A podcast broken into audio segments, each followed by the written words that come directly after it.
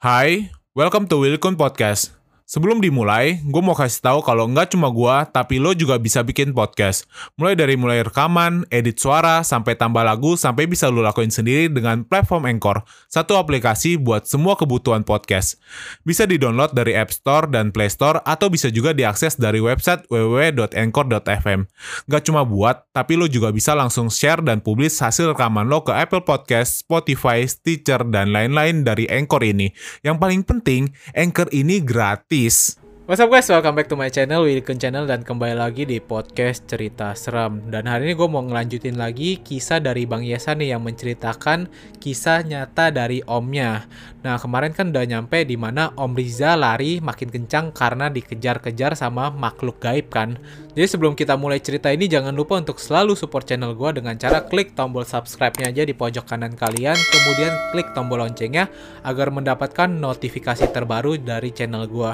Kemudian kalau kalian dengerin podcast cerita seram di Spotify, jangan lupa klik tombol following ya guys. So langsung aja kita mulai cerita part 2-nya nih guys.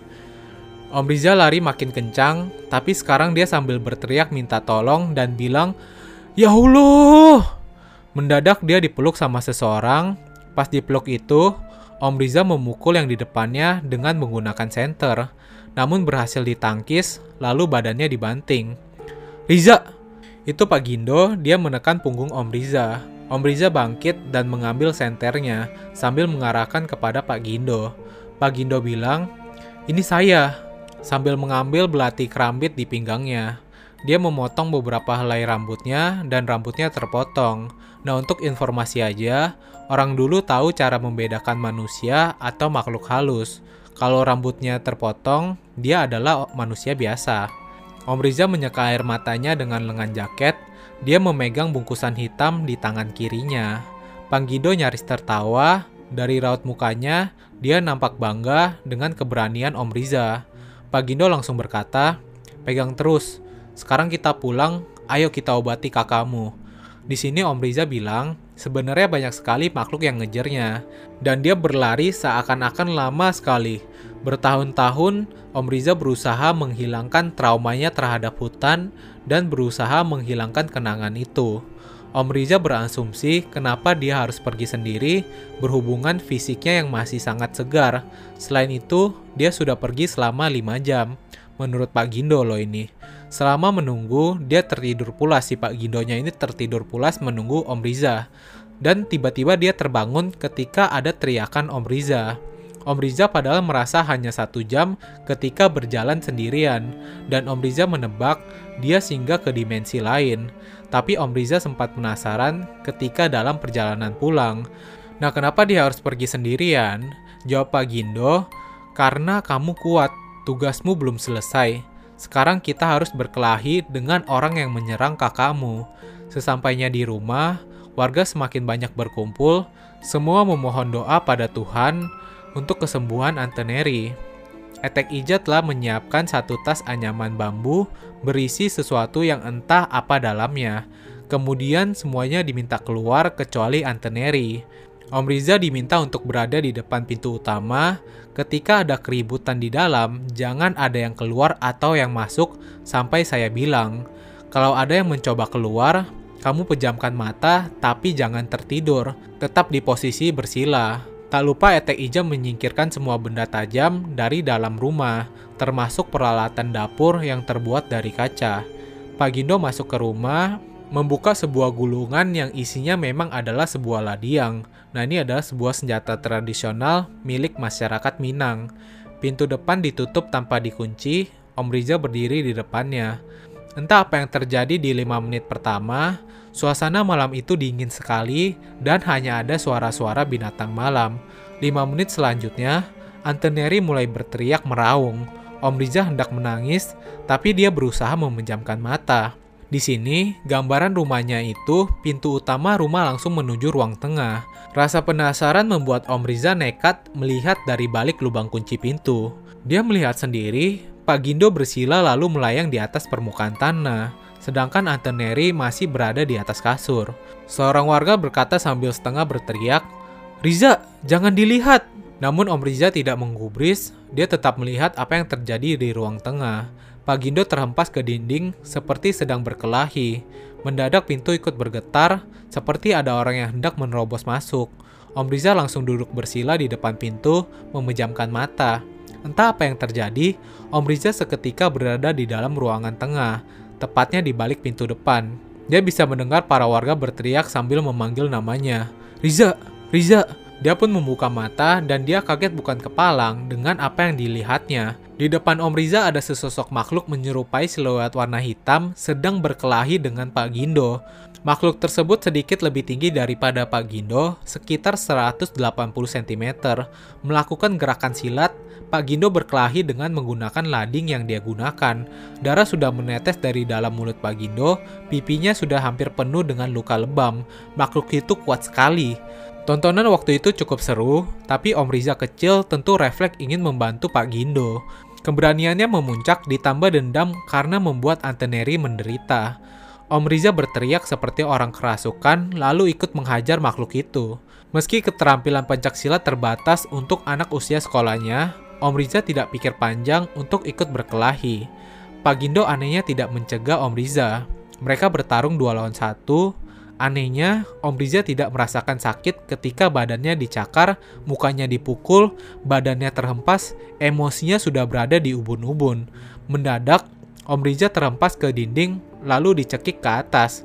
Sesaat Om Riza bisa melihat wajah makhluk tersebut.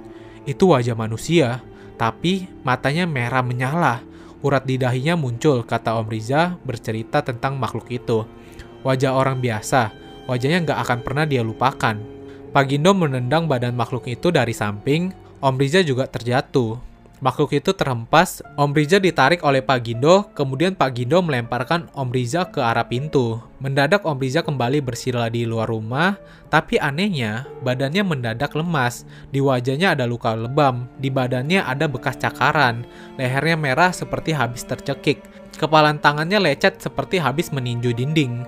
Om Rija menghela nafas, warga yang sedari tadi berjaga langsung mendekati. What's up guys? Sebelum kita lanjut, kenalan dulu yuk sama temen gua, namanya Anchor. Anchor ini adalah all-in-one podcast editing platform yang membuat gua lebih mudah untuk rekaman, edit suara, tambah lagu, dan segala hal dalam pembuatan podcast yang sedang lo dengerin kali ini.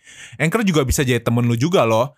Cara tinggal download dari App Store atau Play Store, atau juga bisa diakses di www.anchor.fm. Jadi download Anchor sekarang ya. Riza gak apa-apa, kata seorang warga. Om Riza bengong sejadi-jadinya, dia minta supaya semua warga mundur. Lalu dia kembali bersila sambil menutup mata. Om Riza masuk kembali ke dalam rumah, dia melihat Pak Gindo dan makhluk itu saling mencekik. Pak Gindo menendang badan makhluk itu, berusaha melepaskan cengkeraman. Om Riza bingung harus melakukan apa, dia hanya bisa menonton pertarungan ini. Namun lama-kelamaan dia geram, dia nekat menyerang kembali makhluk itu. Mereka kembali bertarung dua lawan satu, hingga akhirnya makhluk itu ditebas menggunakan lading di bagian leher. Om Riza kembali bersila di depan rumah, dia membuka pintu, menyalakan lampu. Dia melihat Pak Gindo berlumuran darah dengan lading di tangannya. Antoneris ketika bangun berkeringat melihat apa yang sedang terjadi. Om Rija langsung memeluk Antoneri sambil menangis.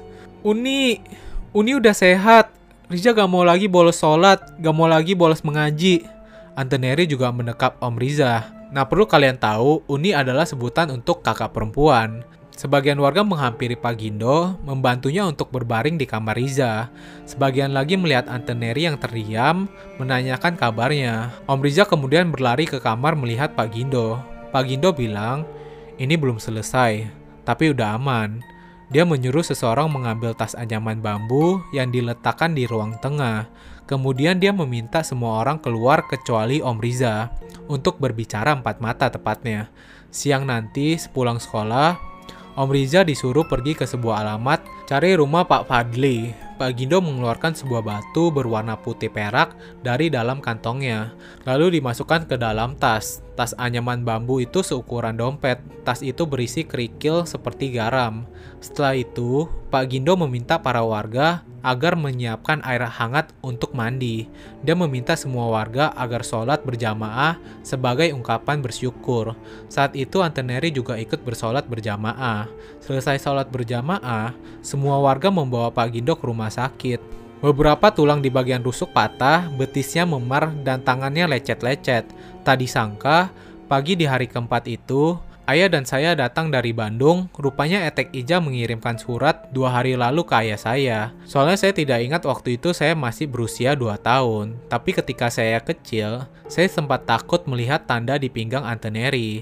Siang hari itu, Om Riza ditemani seorang tetangga pergi ke alamat yang disebutkan Pak Gindo, tepatnya menempuh waktu setengah jam menggunakan bis. Alamat itu berada di sebuah desa yang cukup maju dibandingkan desa kami. Rumahnya juga biasa saja. Yang anehnya, rumah itu ada bendera kuningnya. Om Riza kecil yang masih berpakaian SD masuk ditemani tetangga kami. Dia masuk ke dalam rumah dan kontan semua mata memandangnya. Ada seorang ibu parubaya memandanginya dengan sinis. Tanpa canggung, Om Riza mengeluarkan tas anyaman bambu, lalu memberikan pada ibu tersebut sambil berkata, ini dari Pak Gindo. Dia menitipkan salam belasungkawa. Ibu itu menunduk sambil menerima tas anyaman bambu. Om Riza melirik sekali lagi pada foto yang terpajang di ujung kaki mayat tersebut. Tentu saja Om Riza ingat dengan wajah almarhum tersebut. Dia baru saja berkelahi dengan almarhum tadi malam. Keesokan harinya, Anteneri sudah hampir pulih 100%.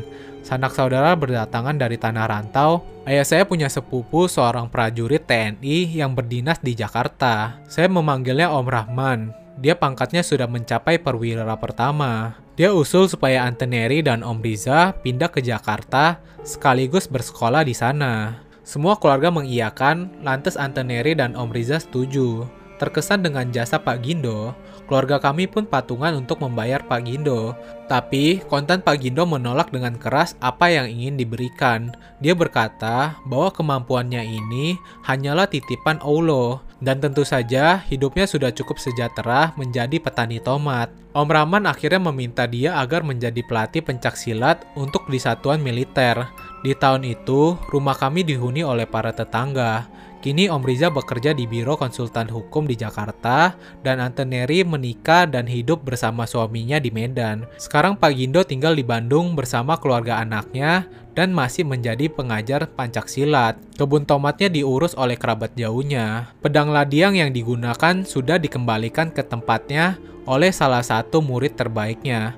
Sampai sekarang, Om Riza masih sering mengunjungi Pak Gindo kalau ke Bandung.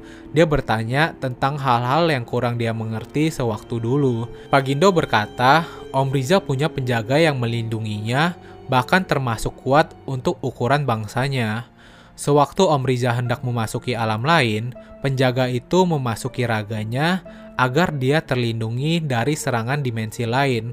Kopi yang diminumnya sewaktu itu bukanlah minuman manusia. Dan ladiang itu senjata warisan keluarga Pak Gindo. Banyak manusia yang mengincar senjata itu, maka waktu itu banyak makhluk halus yang mengejar Om Riza. Sewaktu Om Riza berkelahi dua lawan satu, yang berkelahi bukanlah Om Riza, tapi penjaganya, yaitu orang yang berbaju warna putih. Lawan waktu itu adalah orang sakti yang mengirimkan penyakit ke Anteneri. Itu jurus yang biasa digunakan oleh orang zaman dulu dan terlebih orang sakti itu adalah rival lama Pak Gindo. Satu hal enggan dilakukan yang menjadi misteri adalah siapa yang berinisiatif mengirimkan penyakit pada Anteneri. Yang jelas, dari waktu itu, Anteneri bersikap lebih ramah pada semua orang termasuk para lelaki yang mendekatinya.